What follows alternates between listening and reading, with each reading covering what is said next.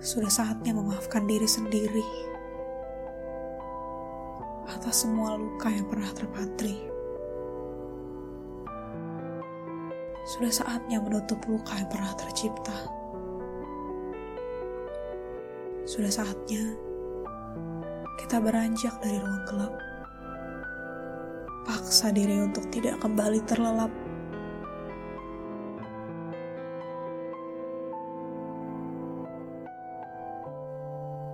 Sudah saatnya kita belajar menerima